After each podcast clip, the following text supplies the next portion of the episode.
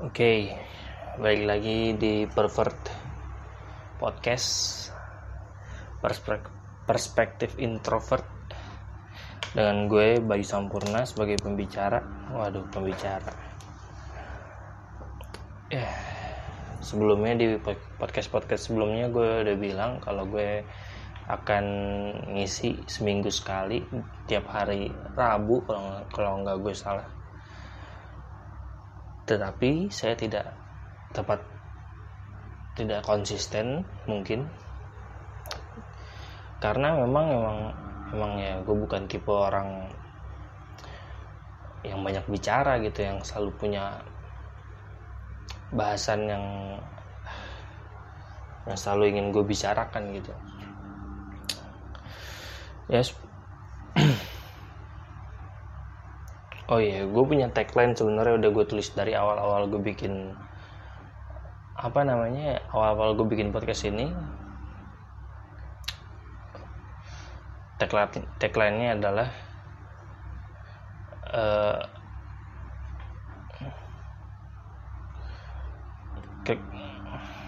tagline-nya adalah ya, kenapa kenapa lo harus mendengarkan podcast ini? Karena mendengarkan orang yang mendengarkan orang yang sudah sering mendengarkan orang yang banyak ngomong sudah biasa. Ya jadi gue bikin untuk menambah perspektif baru selalu gue omongin di tiap podcast gue supaya para pendengar gue di podcast ini eh, supaya lo tahu bahwa ada perspektif yang mungkin nggak pernah lo denger perspektif yang sangat asing di, di mata lo. Ya mungkin perspektif gue nggak asing-asing banget tapi seenggaknya bisa menambah perbendaharaan lo tentang sudut pandang orang lain. Itu yang selalu gue pengen bawa gitu. Dan dan ingat gue akan sering membicarakan tentang diri gue sendiri mungkin nggak eh, menarik untuk lo dengarkan karena ya gue bukan siapa-siapa gue orang biasa. Ya tapi gue nggak peduli juga sih. Karena gue awal podcast ini gue udah tulis bahwa gue uh, genre genre uh, podcast ini adalah jurnal jurnal apa sih intinya jurnal harian kayak semacam diary untuk gue bercerita gitu. Karena gue sebagai pribadi atau sebagai seorang introvert gue jarang sharing ke temen-temen gue gitu secara personal ke sahabat-sahabat gue tentang pengalaman pribadi gue gitu. Gue makanya untuk meluapkan perasaan gue gue jarang jarang banget cerita ke orang lain gitu kecuali kecuali ditanya ataupun mungkin kalau lagi nongkrong ya kebetulan pas pas dengan uh, apa namanya gue punya pengalaman yang sama jadi gue sharing sharing juga gitu. Jadi gue nggak pernah tiba-tiba gue cerita ke ke orang. Ya lo lo pasti pernah kan kayak baru ketemu orang terus lo uh, cerita gitu entah entah, entah lo teman dekat atau sahabat lo, lo tiba-tiba weh bro ke mana aja? Udah lama gak ketemu. Eh by the way gue tadi kemarin gue begini begini ini ya pasti lo sering kan kayak gitu. Tapi kalau gue pribadi sih gue jarang banget kayak gitu. Gue jarang banget sharing sama orang jadi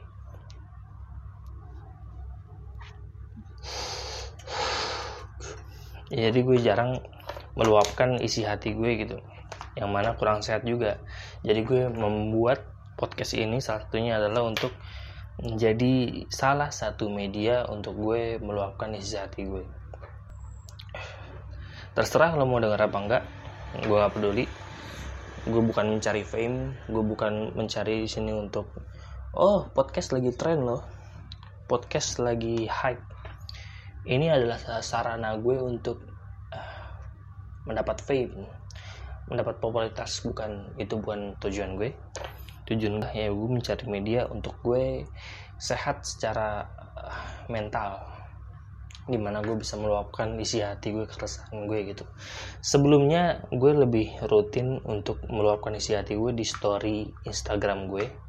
Di mana gue ngoceh asal-asalan.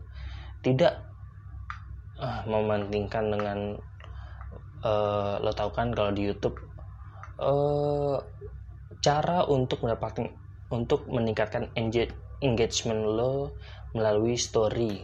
Salah satunya dengan background story yang bagus tentang penataan teks yang rapi. Tapi gue nggak peduli dengan itu gue ya benar-benar foto benar-benar foto apa yang ada di depan gue. Terus gue sengaja blur-blur teks yang tidak rapi dan gue meluapkan isi hati gue di story Instagram pribadi gue. Tapi gue merasa ah, kayaknya gue nggak asik kalau dari situ. Kayak gue mulai merasa kayaknya gue terlalu bawel di sosial media gitu. Makanya uh, gue memutuskan untuk mengaktifkan kembali podcast gue ini sebagai sarana gue meluapkan isi hati gue karena gue kadang-kadang ya gue punya kendala. Kalau terlalu banyak pikiran tapi gue nggak pernah meluapkan itu ke siapa pun gue tuh suka kepiki suka pusing suka migrain gitu. Jatuhnya ke fisik malah kayak ya gitu migrain pusing terus nggak enak badan segala macam ya itu nggak sehat. Makanya gue salah satu salah satunya ini podcast gue gitu. Dan ya kemarin-kemarin gue ngomongin tentang cinta. Mungkin gue akan ngomongin tentang percintaan lagi. Sebagai uh, salah satu branding gue gue pengen membranding diri gue sebagai orang-orang yang ya cukup mempelajari bukan cukup berpa cukup bukan ber, ber, berpengalaman ya berpengalaman banyak tapi gue cukup mempelajari tentang percintaan dari sudut pandang psikologis. Sehingga percintaan yang gue pelajari itu lumayan apa ya ya gue belajar dari ilmu pasti gitu. Yang gue pelajarin adalah sesuatu yang bukan dari pengalaman. Yang lu pernah kan ketemu sama tips-tips percintaan tapi eh, terlalu tips-tips percintaan yang umum beredar di sosial media ataupun apa pun itu itu berdasarkan pengalaman yang tidak berdasarkan ya hukum hukum hukum maksudnya adalah natural naturalnya itu sebenarnya nggak seharus seharus seharusnya begitu. Contoh seperti kita tuh terlalu mendewakan dewa dewakan perempuan gitu. Kayak perempuan adalah makhluk antara mendewakan ataupun meremeh meremehkan perempuan gitu menurut gue. Perempuan tuh kayak perempuan tuh harus dikejar perempuan tuh harus di uh, treat dengan baik. Menurut gue enggak loh kita tuh sebagai manusia berhak untuk mengekspresikan diri kita gitu. Entah lo perempuan entah lo laki-laki. Ketika lo suka sama seseorang ya lo berhak untuk mengungkapkan perasaan lo gitu lo nggak ada namanya kodrat perempuan tuh harus uh, harus dikejar. Kodrat perempuan tuh harus di uh, harus menunggu pria yang mengejar dia gitu. Enggak menurut gue. Kita tuh berhak untuk berekspresi satu sama lain. Nggak ada tuh yang namanya kodrat perempuan perempuan dikejar laki-laki mengejar itu nggak ada.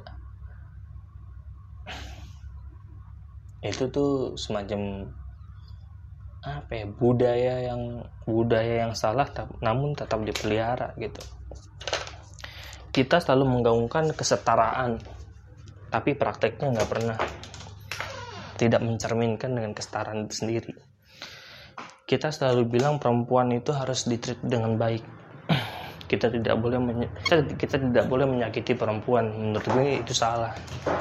Ketika lo kesel sama perempuan, tapi lo itu adalah seorang laki-laki, lo boleh lo mentreat seorang perempuan sama kasarnya dengan seorang laki-laki. Itu makna dari kesetaraan kesetaraan itu artinya ya nggak ada bedanya lo dengan siapa pun. Lo laki-laki kalau lo ribut sama laki-laki terus lo ngomong anjing kontol ya lo kalau kesel sama perempuan lo juga kalau lo merasa lo perempuan itu adalah setara dengan lo lo juga harus bilang dia kalau lo ribut dan bermasalah dengan perempuan lo harus bilang dia anjing kontol lo harus memaki dia sama dengan lo memaki memaki lelaki dengan umpatan atau makian anjing kontol. Sama sama aja gitu.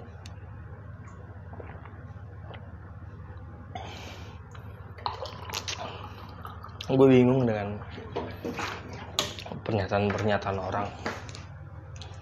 Perempuan tuh harus ditreat yang baik.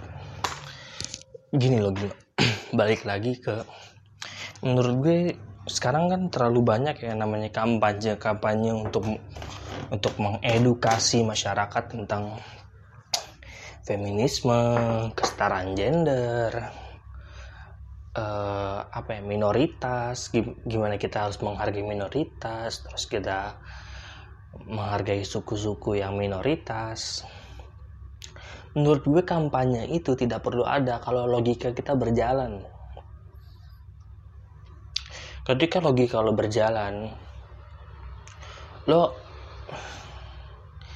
ini masalah cara berpikir kita gitu. Kalau kita berdasarkan budaya-budaya yang salah budaya-budaya yang sengaja kita pelihara namun itu budaya yang tidak masuk akal gue nggak bilang kita tidak perlu mengikuti budaya. Kita perlu mem memelihara budaya yang kita punya asalkan budaya itu positif kalau budaya itu negatif jangan lo ikutin. Gue nggak peduli lo bilang gue nggak nasionalisme. Gue nggak peduli lo gue bilang gue apa namanya menyingkirkan apa namanya gue ke barat-baratan atau apalah gue nggak peduli.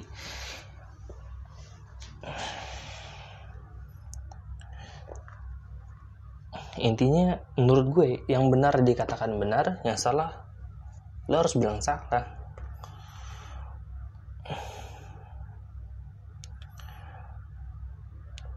Ya.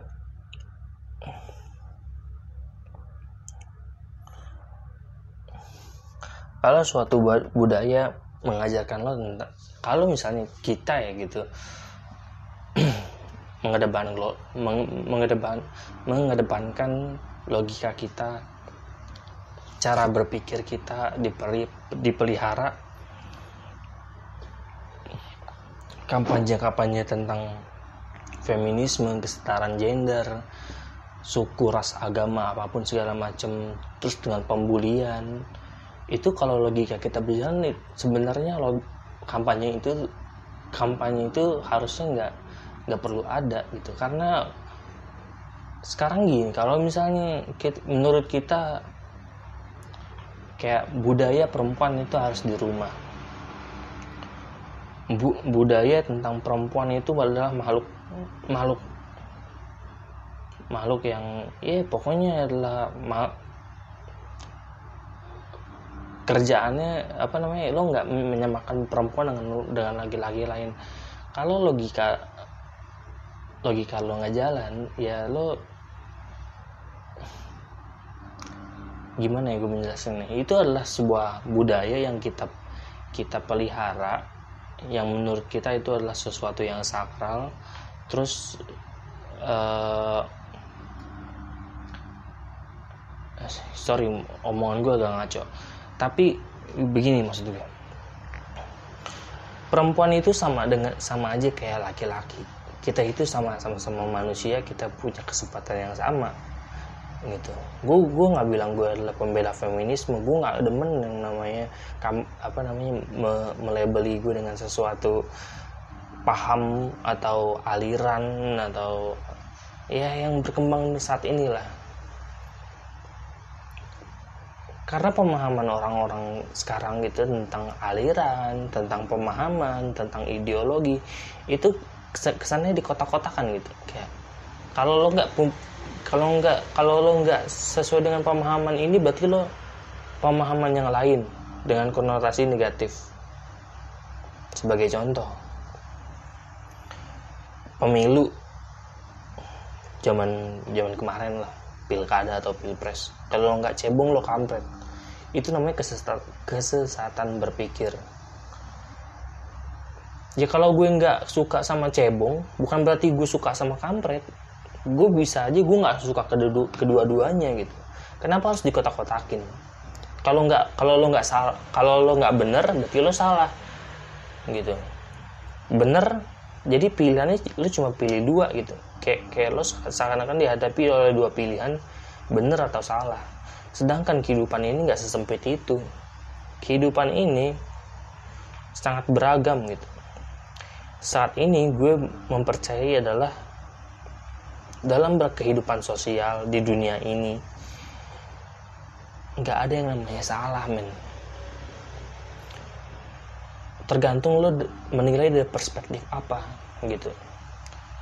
Contoh misalnya lo mabuk-mabukan.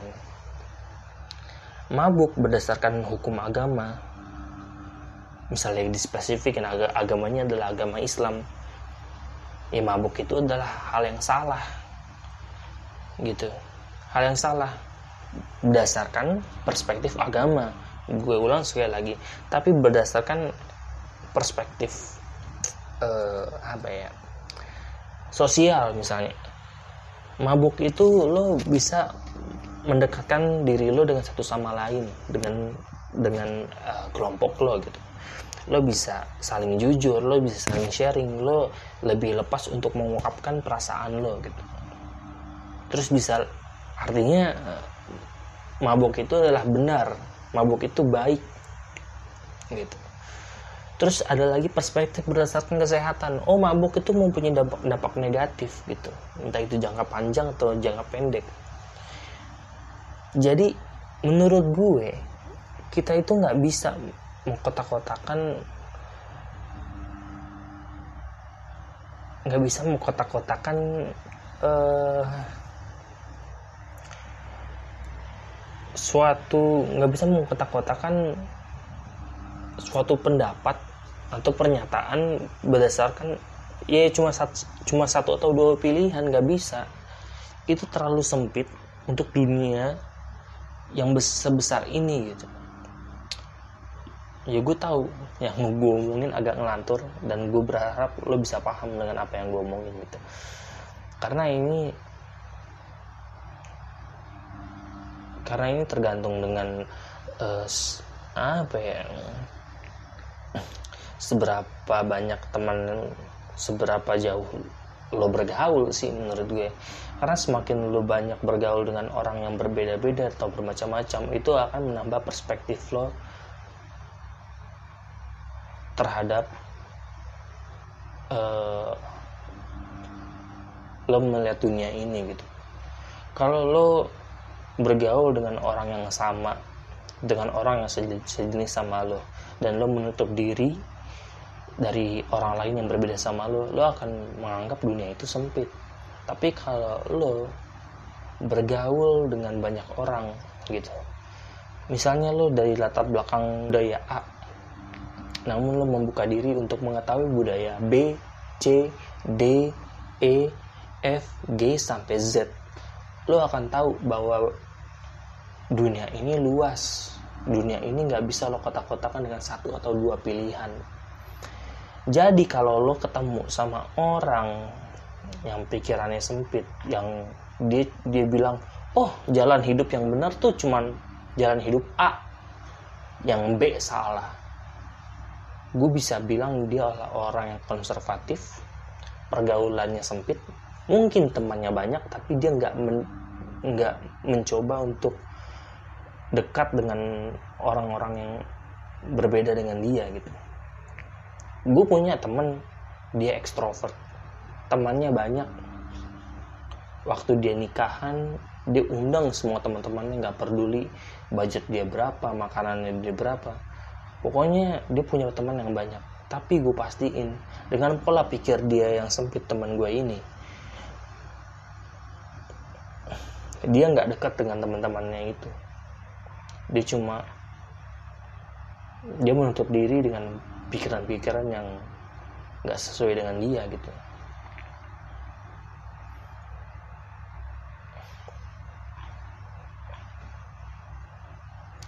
Makanya gue agak agak risih dengan keadaan sos eh, keadaan ya masyarakat Indonesia sekarang gitu dikit-dikit ribut apa pun di, dijadiin bahan untuk ributan gitu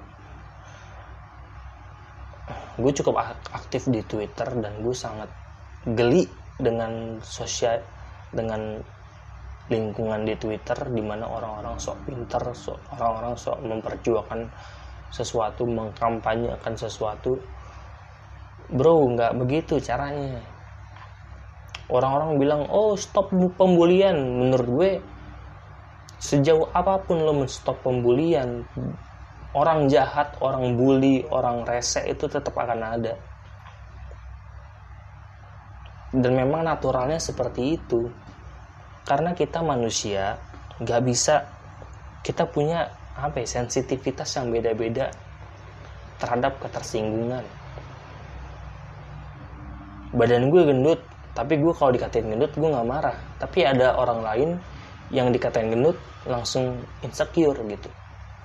Ya itulah manusia gitu. Tergantung gue menurut gue orang yang bilang gue gendut gue nggak gue nggak akan bilang gue oh itu body shaming itu adalah orang jahat. Itu kayaknya orang tuh nggak nggak berpendidikan gitu. Nggak begitu gue menilai orang. Tapi ada orang-orang lain yang yang yang mungkin bermasalah dengan hal itu. Gue nggak bilang orang yang bermasalah itu adalah orang-orang yang bodoh ya begitulah orang-orang itu beda-beda gitu. Kalau kita bisa tahu kalau masing-masing orang punya pengalaman yang berbeda lalu mereka dibentuk oleh pengalaman yang berbeda masalah yang berbeda dididik oleh orang tua yang berbeda kita akan tahu bahwa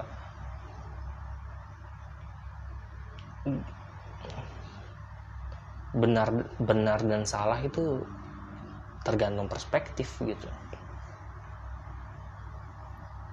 Makanya gue suka kesel gitu. Gimana di gue cukup aktif di Twitter karena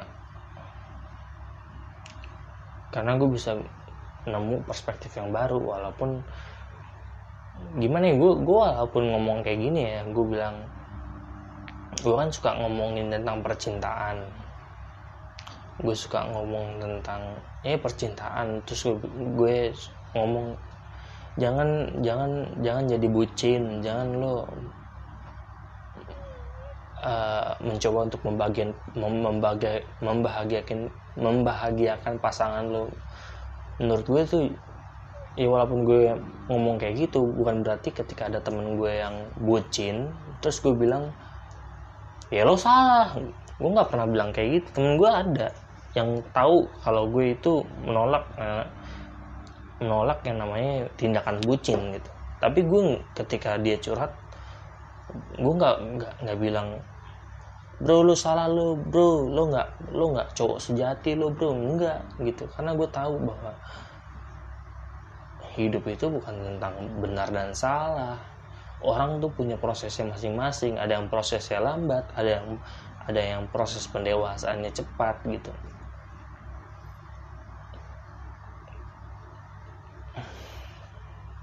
Kalau misalnya gue mau menyalahkan gimana salahnya? Kenapa orang Indonesia banyak yang begitu? Sebenarnya bukan orang Indonesia doang sih. Orang-orang luar juga banyak yang kayak gitu.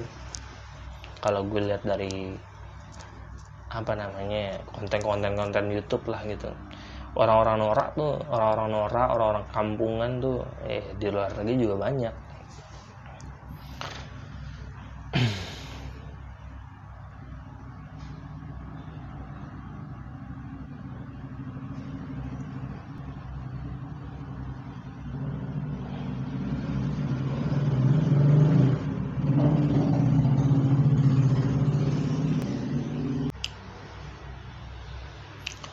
udah bingung sih mau ngomong apa lagi. Lagi pula yang gue ngomongin juga ke mana-mana ngelantur nggak sesuai dengan nggak sesuai dengan tema.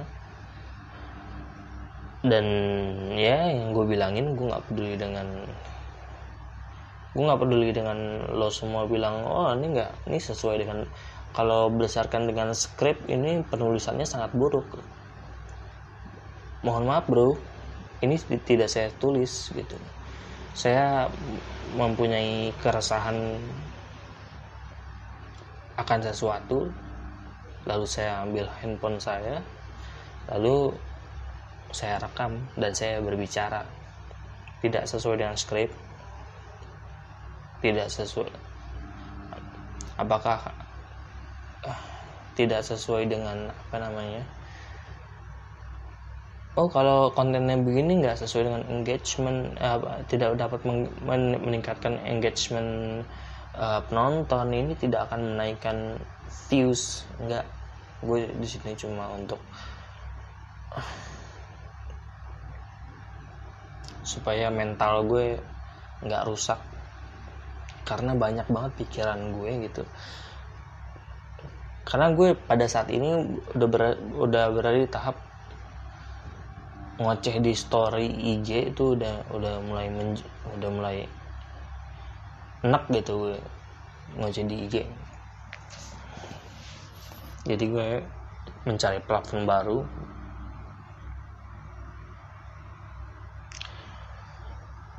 Ya sekarang gue ngoceh di sini gitu. Terus tentang apa lagi ya? Ngomongin apa lagi ya? Tentang kerjaan di podcast gue sebelumnya gue belum belum kerja. Gue masih ojol ojek online. Dan sekarang gue udah mulai dapat kerja. Gue kerja di salah satu stasiun TV dan ya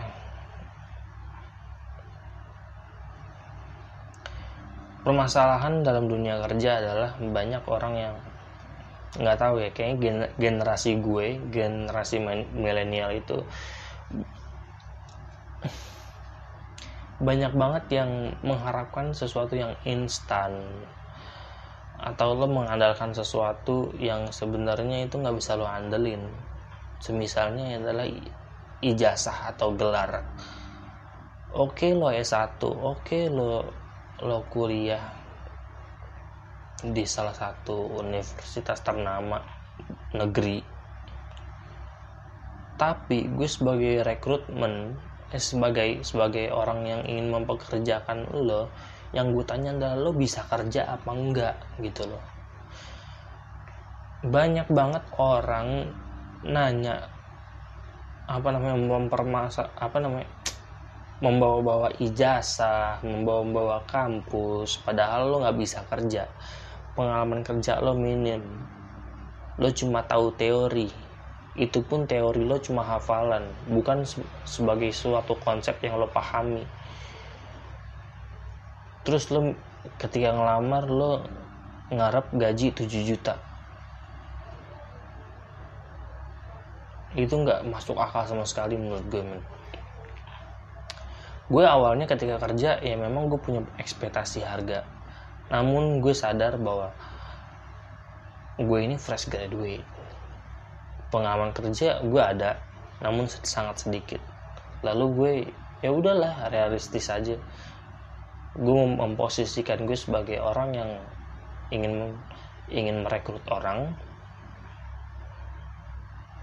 Ya ya gue memastikan orang ini bekerja dengan baik gitu di perusahaan gue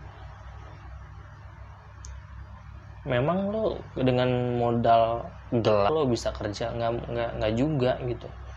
Dengan lo universitas itu lo dipastikan lo akan kinerjanya lebih baik. Nggak juga. Orang di universitas negeri banyak yang goblok. Bukan gue iri tapi gue berteman dengan orang-orang orang-orang dengan mereka gitu. Dan gue tahu kapasitas mereka. Sebagai sebagaimana sebagaimana lo ya gue tahu yang gue omongin agak kasar gitu loh. Agak mungkin berlebihan atau merendahkan orang tapi gue nggak peduli sekali lagi. Tapi gue bertemu gini kalau mau pamer ya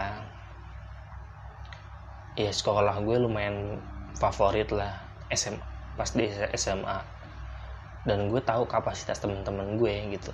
Bukan berarti SMA gue favorit terus mereka semua adalah orang-orang yang ya masa depannya cerah karena karena mereka masuk SMA favorit terus mereka karena nem nem nem tahu tahu nem kan nem mereka tinggi terus mereka masa depannya terjamin gitu. Enggak banyak banyak banget mereka yang tinggal kelas. Banyak banyak banyak banget mereka yang dikeluarin dari sekolah atau nggak lanjut dari sekolah. Yang prestasinya sangat buruk. Itu banyak. Sebelum ini ya sistem zonasi. Kan sekarang kan udah sistem zonasi orang diserempakin. Kalau zaman gue masih sistem ya kalau nem lo bagus lo bisa masuk sekolah situ gitu terus gue masuk kuliah. Dan gue tahu kapasitas teman-teman gue kayak gimana. Ada yang bagus ada yang jelek. Jadi lo lo kuliah di mana walaupun lo kuliah di negeri gue yakin walaupun gue kuliah swasta ya di negeri itu juga banyak orang yang males orang selengean orang yang enggak nggak merhatiin pelajarannya apa. Gue yakin itu ada dan lo para milenial jangan jangan nganggep gelar dan juga universitas itu tuh sebagai prestasi kerja. Terus lo mengandalkan itu semua untuk mendapatkan kerjaan dan gaji tinggi. Jangan gitu loh.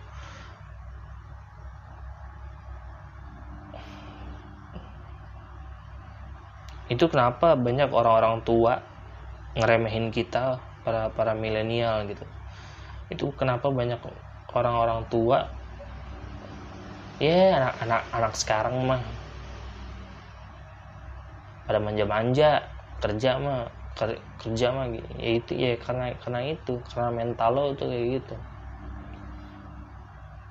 Terus gue denger dengan cerita cerita cerita orang tua yang mereka benar-benar struggling ketika ketika kuliah mereka benar-benar ngerasain yang namanya proses. Ya kalau dibilang sama mental kita yang para para milenial ya sangat benar-benar sangat jauh gitu. Hargai yang namanya proses. Lo itu lulusan baru apalagi lo belum pernah kerja lo cuma punya nilai bagus yang mana sebenarnya lo kerja bukan untuk mengajak lo kerja itu bukan untuk mengerjakan soal. Jadi nilai bagus yang bagus itu enggak ya lo ngerjain itu cuma hafalan men. Bukan bukan sesuatu yang ada di pola pikir lo. Bahkan itu cuma hafalan hafalan yang mana seminggu dua seminggu dua minggu setelah ujian lo tuh lupa.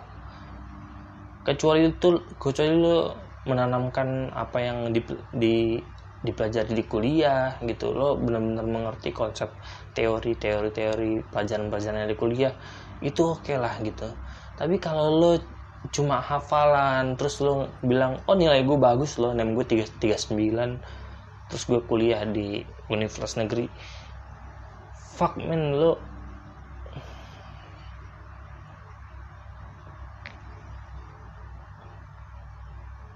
kalau lo lulusan baru dan lo nggak pernah kerja dan perusahaan menghargai lo dengan UMR lo pantas dapat itu. Karena apa? Lo baru baru mulai gitu. Dan lo sebagai orang yang nggak punya pengalaman kerja lo harus melewati proses itu.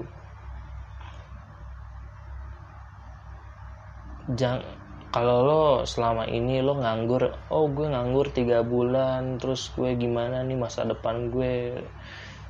Hmm, nggak nggak nggak apa namanya?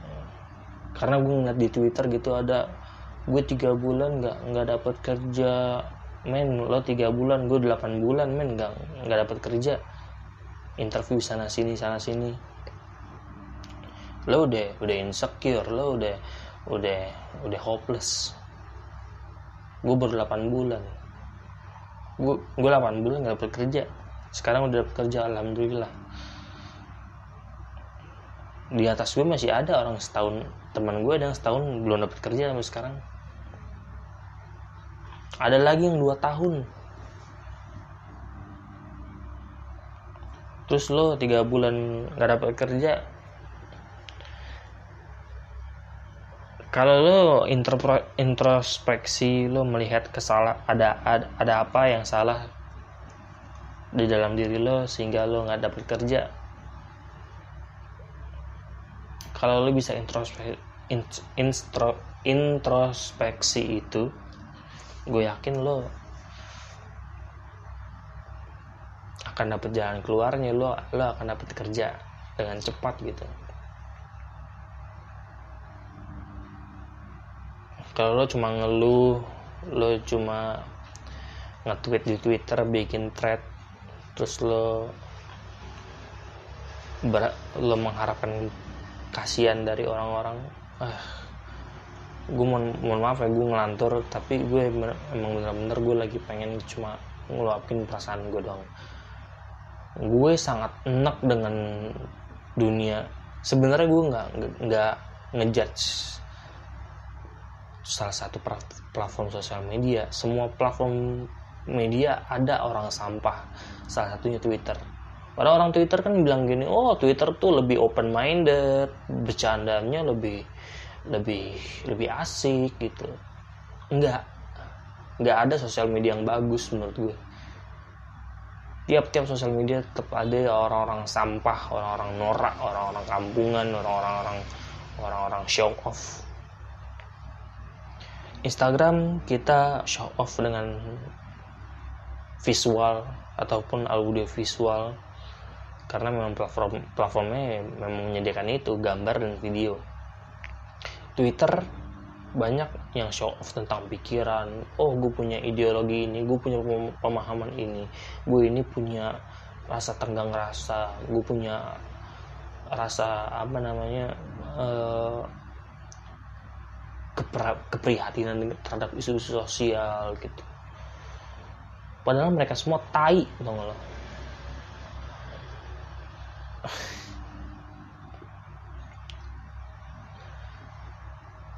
ya gue memanfaatkan sosial media yang gue gunakan sekarang ya sebagai hiburan gitu hiburan aja gitu. Dan gue cuma pengen tahu fenomena yang ada. Gue nggak bilang fenomena-fenomena orang-orang orang ini harus dihapuskan sebagaimana kampanye kampanye yang gue bilang tadi. Gue nggak bilang itu harus dihapuskan enggak. Karena memang hidup itu harus ada orang negatif sama orang positif kalau kita hidup lurus lurus lurus aja semua orang baik semua orang uh, cara berpikirnya bagus itu nggak seru men. Gue aja pernah dalam satu suatu masa gue waktu itu lagi lagi ngojek. Ngojek gue lancar gue bonus bisa pulang cepat dalam waktu yang cepat gitu. Misalnya gue bonus paling tinggi gue bisa dapat jam 8 malam ini gue sore udah bisa dapat bonus paling tinggi. Terus gue bilang kok hidup lancar-lancar aja ya? Nggak nggak bener nih kayak gini. Harusnya ada masalah yang menerpa gue supaya gue lebih bersyukur. Ternyata pada saat itu juga doa gue dia doa gue dijabah. Ketika gue dapat bonus dengan cepat dengan mendapatkan uang dengan cepatnya gitu ketika ketika gue ngojek. Gue tiba-tiba dapat masalah gue dimaki-maki sama teman gue sendiri. Teman-teman gue maki-maki gue sendiri karena ya gue mengurusi urusan percintaan dia dengan pacarnya lah gitu. Bukan salah gue tentunya salah. Ya itu adalah gue nggak mau takutnya orang orangnya dengar dan merasa tersindir dan gue ketika gue dapat masalah itu gue langsung ini baru namanya hidup. Di mana ketika gue merasakan kesed kesenangan gue juga merasakan yang namanya penderitaan. Dan ketika gue merasakan penderitaan gue lebih bersyukur. Gue bisa menikmati yang namanya hidup. Gini loh yang namanya bahagia itu bukan lo bukan lo artinya lo senang-senang terus. Tapi lo pernah merasakan keterpurukan. Lalu ketika lo mendapatkan kenyamanan dalam hidup lo lo itu merasakan bahagia. Jadi yang membuat lo bahagia adalah lo pernah merasakan yang namanya keterpurukan. Jadi yang namanya nega apa namanya perasaan-perasaan gundah perasaan-perasaan lo gagal perasaan-perasaan lo merasa merasa eh perasaan-perasaan negatif itu lo butuh untuk lo lebih bersyukur dan lo merasakan yang namanya bahagia yang sesungguhnya. Gue harap lo ngerti apa yang gue omongin ya.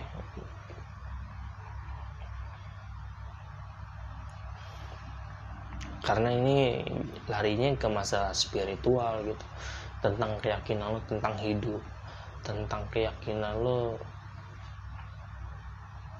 ya terhadap hidup ini gitu orang-orang orang-orang yang pengalamannya sedikit orang-orang yang pengalamannya sangat flat nggak pernah ngalamin ngalamin hidup yang begitu ter, hidup hidupnya susah itu nggak akan ngerti namanya pemahaman-pemahaman spiritual gitu. Menurut gue orang yang paling bijaksana adalah orang yang orang yang sebenarnya mengalami pahitnya hidup sepahit-pahitnya gitu.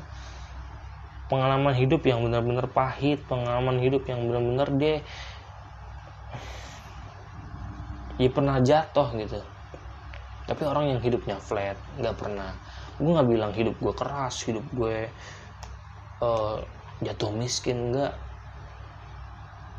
Gue nggak gue lebih beruntung dengan orang-orang yang ada di luar sana gitu. Mungkin hidupnya lebih pernah merasakan pahitnya kehidupan gitu. Tapi gue, gue tapi gue bisa bilang orang yang belajar dari apa namanya orang yang belajar dari orang yang belajar dari proses hidup yang pernah dia lalui dia akan lebih bijak gitu. Entah itu kegagalan pengkhianatan dicampakkan oleh orang lain dihianati oleh sahabat sendiri dihianati oleh orang yang kita percaya. Itu orang orang yang belajar dari sana akan akan menjadi orang yang bijaksana. Dan itu larinya ke masalah spiritual gitu. Tapi sedangkan orang banyak orang-orang yang yang menghadapi masalah sendiri mereka mereka ngeluh mereka menyalahkan orang lain mereka menyalahkan faktor faktor luar gitu. Orang-orang kayak gitu makanya ada istilah dewasa itu bukan tentang umur dewasa itu tentang dewasa itu tentang ya bagaimana lo belajar tentang kehidupan. Ada lo orang umur 40 50 tapi nggak lo nggak menemukan kebijaksanaan sama sekali dalam kehidupannya tetap ngoceh-ngoceh tetap tetap tetap menyalahkan kehidupan tetap tetap menyalahkan orang lain. Karena orang itu nggak pernah belajar dari dari dari masalah yang pernah dihadapi gitu. Gue punya temen yang mana gue gue sebenarnya kasihan gitu sama dia yang di mana dia selalu menyalahkan keadaan dia selalu menyalahkan. Oh ini semua salah karena salah ini semua terjadi karena lo gitu. Gue mau yang terjadi ya intinya intinya itu orang selalu menyalahkan keadaan lah. Dan padahal yang namanya namanya hidup ini yang menjalani itu lo gitu. Sebab akibat yang terjadi terhadap lo ya itu karena lo gitu. Makanya makanya kalau kalau lo yakin terhadap pernyataan itu gitu apa pun yang terjadi terhadap diri lo entah itu baik atau buruk itu karena lo. Kalau orang tahu tahu tentang hukum itu lo akan menjadi orang yang bijaksana. Karena apa? Setiap masalah yang lo hadapi lo lo akan merasa ini tanggung jawab gue gitu. Ketika gue ini ketika ketika gue dapat masalah ya gue gue bertanggung jawab atas masalah itu bukan orang lain gitu. lo nggak berhak menyalahkan orang lain lo ini di lo lo lo ini bagi kita ini hidup di dunia ini sebagai sebagai apa ya bagian kecil dari alam semesta yang ada di, di, di kita ini adalah bagian terkecil dari alam semesta yang dibuat oleh Tuhan gitu.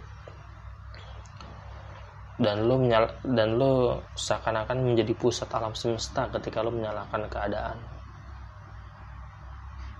Makanya gue selalu bilang jangan pernah jadi pusat alam semesta tapi lo itu adalah bagian dari alam semesta. Di mana lo itu adalah bagian terkecil terkecil terkecil dari alam semesta ini. Yang artinya lo di yang di barat ini ya lo dibilang tai tai pun lo tuh nggak pantas gitu. Yang artinya maksud maksud gue adalah lo itu harus mengikuti flow. Lo itu harus mengikuti lo itu harus harus mengikuti dan mengerti bagaimana dunia ini berjalan gitu yang artinya lo harus harus pengertian jadi orang bukan bukan bukan ingin dimengerti gitu.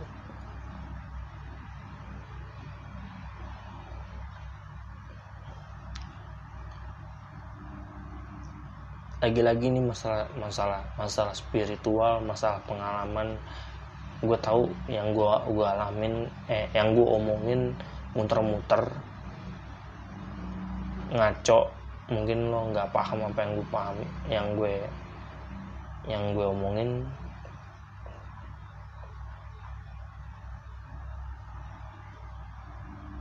Tapi lo akan ngerti sendiri kalau lo memang punya kemampuan untuk untuk men ya, ya kalau kalau kalau lo memang mencoba untuk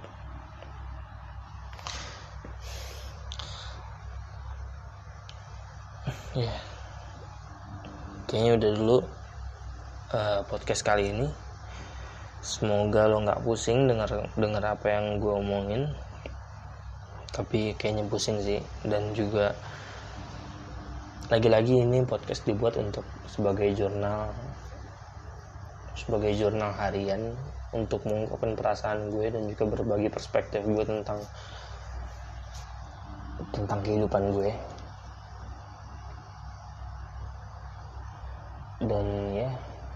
sampai berjumpa di podcast yang entah kapan diuploadnya